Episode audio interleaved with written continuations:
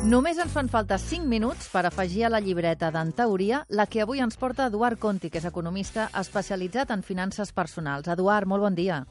Molt bon dia, Emma. Avui tirem bastant enrere en el temps. Molt enrere. Ens en anem cap al segle XVIII i parlarem d'Adam Smith, que és, va ser un economista i filòsof escocès.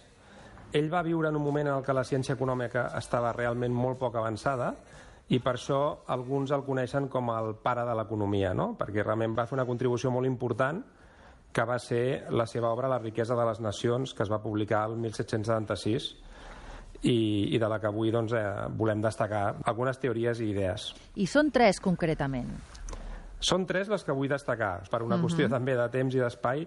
Són realment unes obres molt riques eh, que porten un munt d'idees i teories en el seu moment molt innovadores, però el que crec que és important és destacar el que realment ha quedat, el que ha transcendit més i el que més s'ha recordat de cada autor. Primera d'elles, teoria de la mà invisible. Què és això, Eduard? Mira, el, el que diu el Adam Smith és que l'ambició individual és necessària pel creixement econòmic d'una societat. Quan dic ambició individual podria ser el desig de riquesa. Eh? Llavors, aquesta ambició individual el que fa és fer-nos posar en marxa doncs, tota mena d'iniciatives, no? fa que es desenvolupin diferents sectors com l'agricultura, la construcció, la tecnologia, la ciència, les ciutats, els pobles, etc. No? I això fa mm -hmm. possible aquest benestar col·lectiu. Perfecte. La segona idea o teoria que voldries destacar, quina és? Mira, la, la segona és que Adam Smith pensa que els estats no han de posar traves a la iniciativa privada i que la lliure competència és la millor forma de regular l'economia.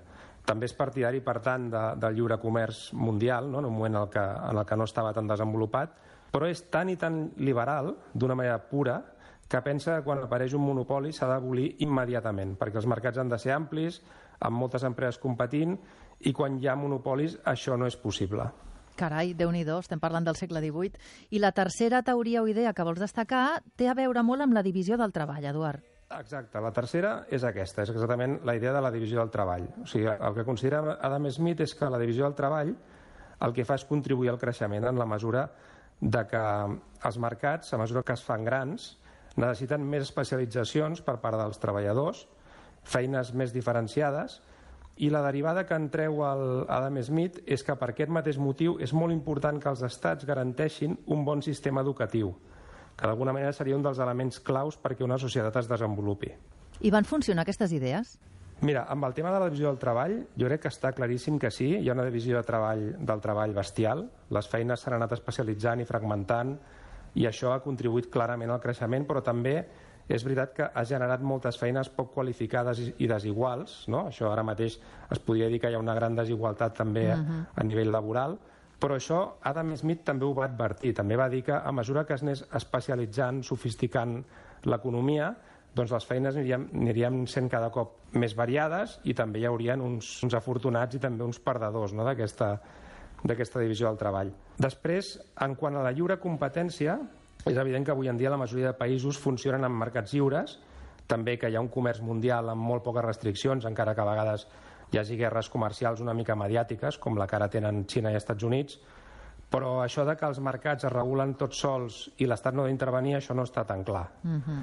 Després, finalment, amb el tema dels monopolis, ja ho vam comentar l'altre dia, no? quan parlàvem de les grans empreses tecnològiques, també hi ha molts altres exemples, però sembla que no li estan fent massa cas a Adam Smith quan deia ja. que realment era molt important per garantir el mercat lliure precisament posar una mica de límits en aquests monopolis que es van generant. I de quina manera creus que podríem aplicar a les nostres finances personals alguna d'aquestes idees?